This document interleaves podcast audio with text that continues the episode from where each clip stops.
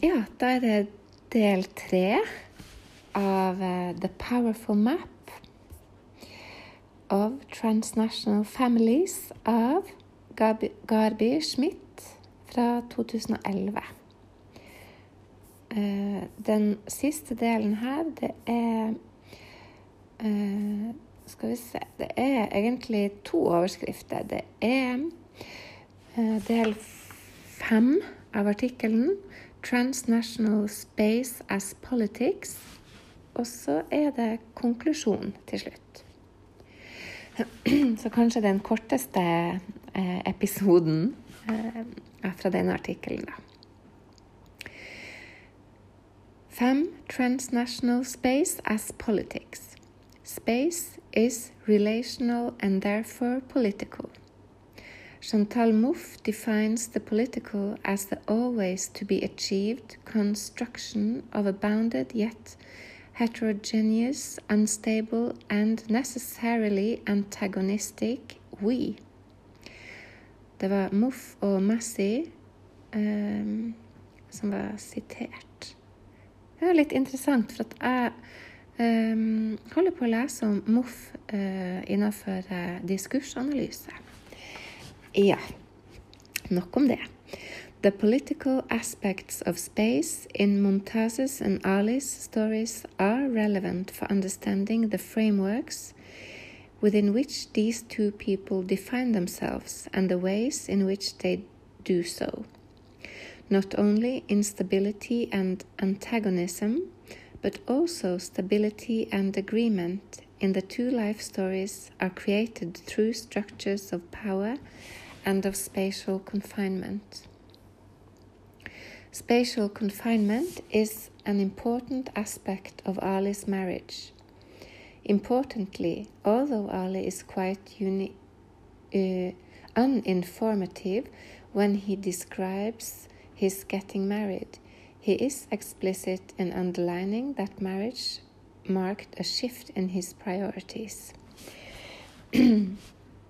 Before he visited Turkey the summer he was 19, he had no intentions of marrying young. Being in that particular place at that particular time had the effect of constraining the range of his choices. The choices that Ali made highlighted the connections, the connection between space and identity politics. Marrying a woman from back home accentuates the certain aspects of Ali's identity and the spaces that he moves within, both locally and transnationally. As an individual, he became enmeshed in a framework of identity politics in which being of Turkish origin became synonymous with marrying someone from Turkey.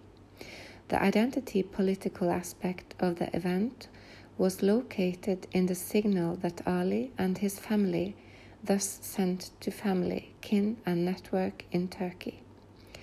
By him marrying someone from Turkey, he stressed that a Turkish identity and transnational family ties were important elements in his life. As the couple continued their lives together in Denmark, the identity political dimension of their transnational marriage became even more obvious.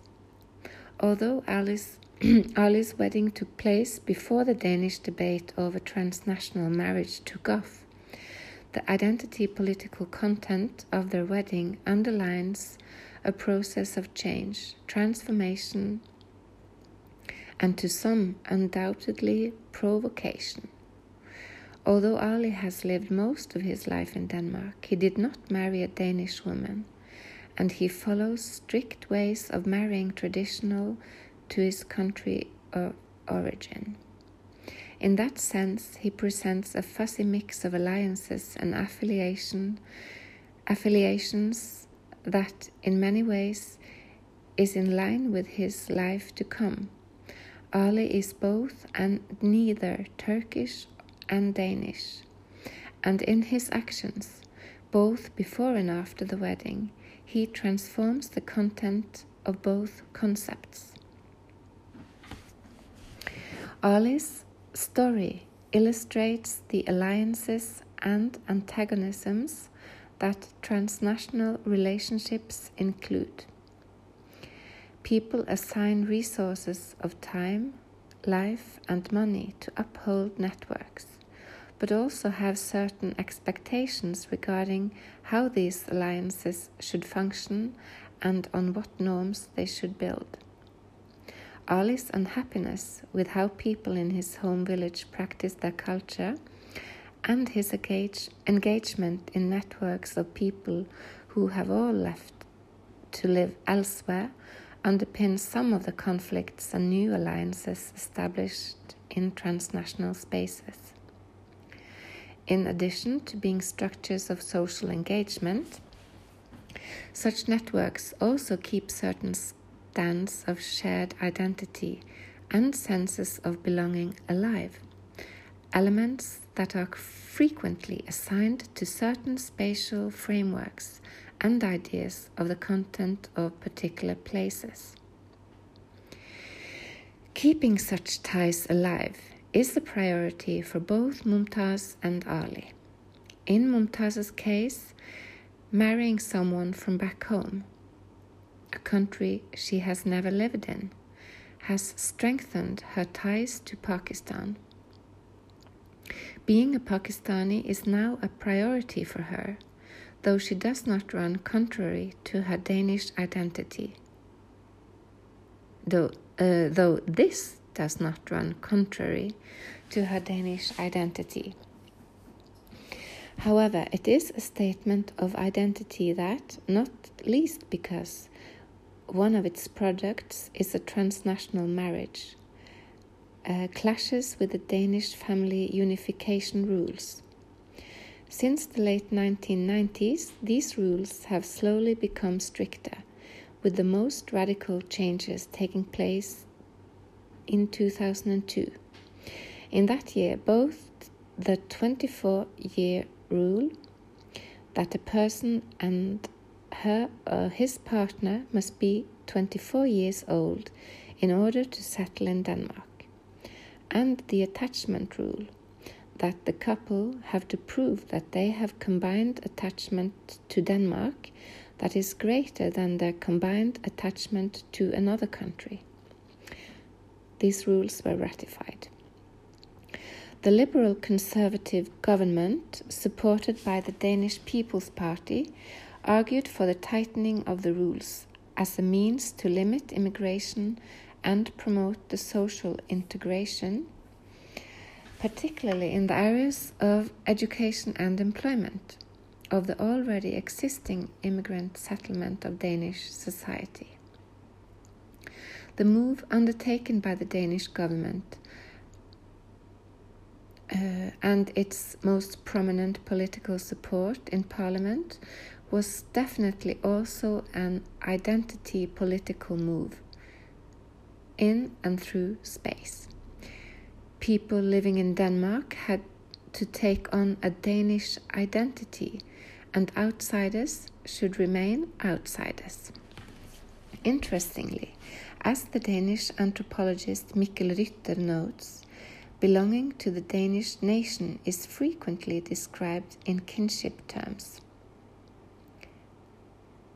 The notion of uh, consanguinity was for example, expressed in 2002 by the then Minister of Integration, Bertel Haarder, in 2002 when he said that Denmark is a tribe, not a country. Um, the metaphor of Familien Danmark, literally Family Denmark, is employed in both popular writings and research the idea of the nation as an imagined community, always conceived as a deep horizontal com comradeship, is also applicable to transnational families. The Danish legislation of family reunification shows how these two types of comradeship, comradeship, comradeship, I don't know, are understood as contrary within the political system. As Nyberg Sørensen suggests, if we want to understand the, uh, the contours of transnational family spaces, we must we must uh, also include perspectives on national and supranational interference, in this case in the form of legislation. Although Mumtaz married after the introduction of the 24 year rule, her story shows that marrying someone from abroad remains an option, whether for love, cultural preferences, or existing ties with the country of origin. Mumtaz talks about her close and frequent contact with her cousins in Pakistan and how they were so a source of information and evaluation when she fell in love with a man who later became her husband. Through her choice of, marry, of marriage partner, Mumtaz emphasizes her transnational networks and practices as central aspects of her life. These practices of identity, however, clash with other nationally defined politics of identity. The attachment rule highlights the clashes. If the individual living in Denmark Denmark has a record of several longer trips to the country of origin, for instance, vacations, or if he or she has family in the country that his or her husband comes from. Such factors are legally viewed as diminishing the person's attachment to Denmark. Eh, reference Danish Ministry of Integration 2005. And thus the right to family reunification. In other words, transnational family practices have negative effects on the right to have family life in Denmark. Mumtaz's response to these demands is in line with that of many young other young people from immigrant families who married a person from their country of origin after 2002. She and her husband moved to southern Sweden, a reasonable commuting distance from, say, Copenhagen, whereas fewer than a hundred young people whose parents came from either Pakistan or Turkey each year moved to Sweden in 2002. The number was almost 10 times as high in 2007. Only five years after the introduction of most of the rules on family unification in Denmark. Mumtaz's story thus shows how people can use, or are forced to use, space strategically to uphold aspects of their identity as transnationals. Such strategies, as the Danish case illustrates, can run contrary to the expectations of the nation state, including the identity political regimes to which the nation state expects ethnic minority groups to submit. Åh, oh, ble litt tørr i munnen. Jeg skal bare hente litt vann.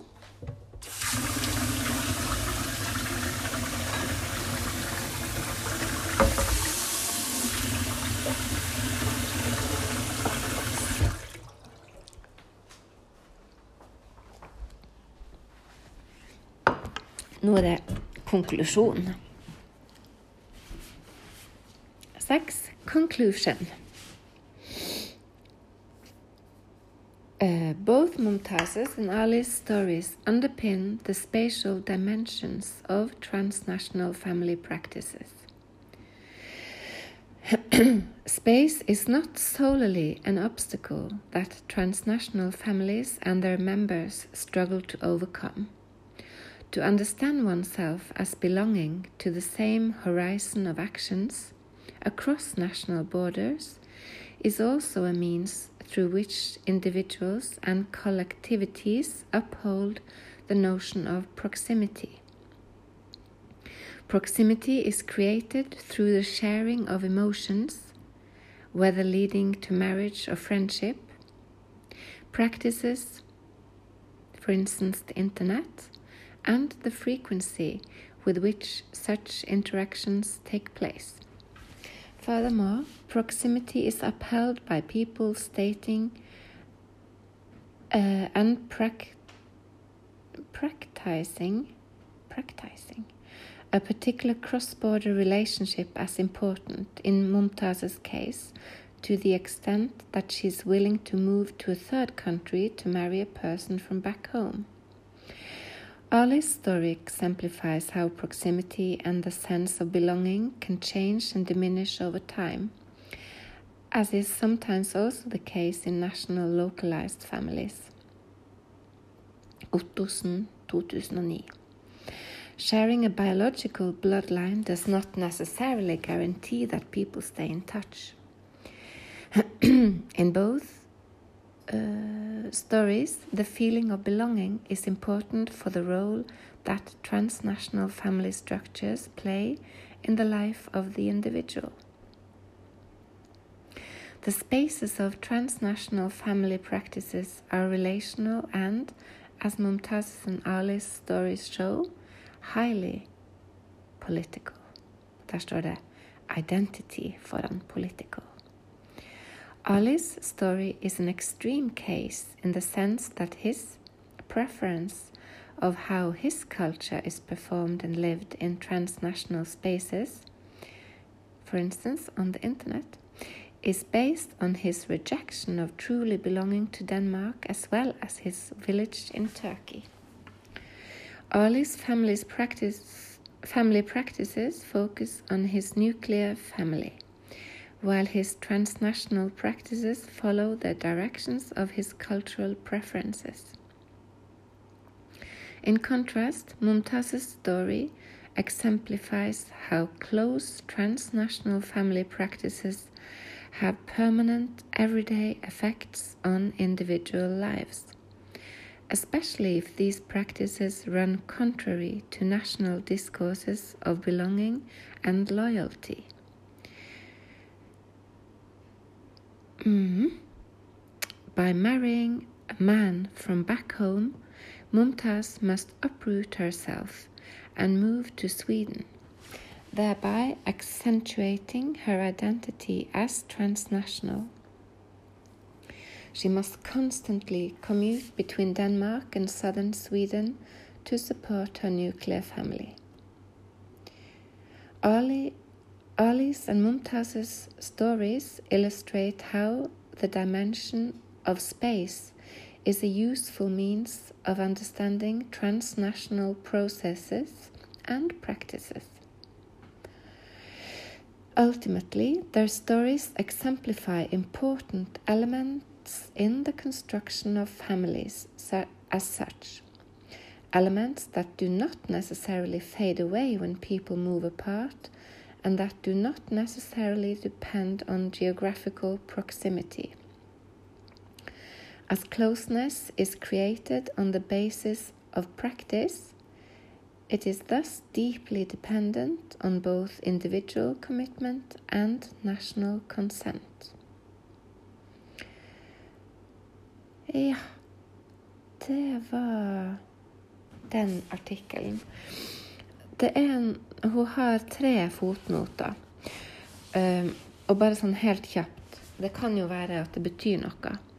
Men det hun gjør, uh, klart da fra helt i begynnelsen av artikkelen, det er at hun gjør et skille mellom place og space.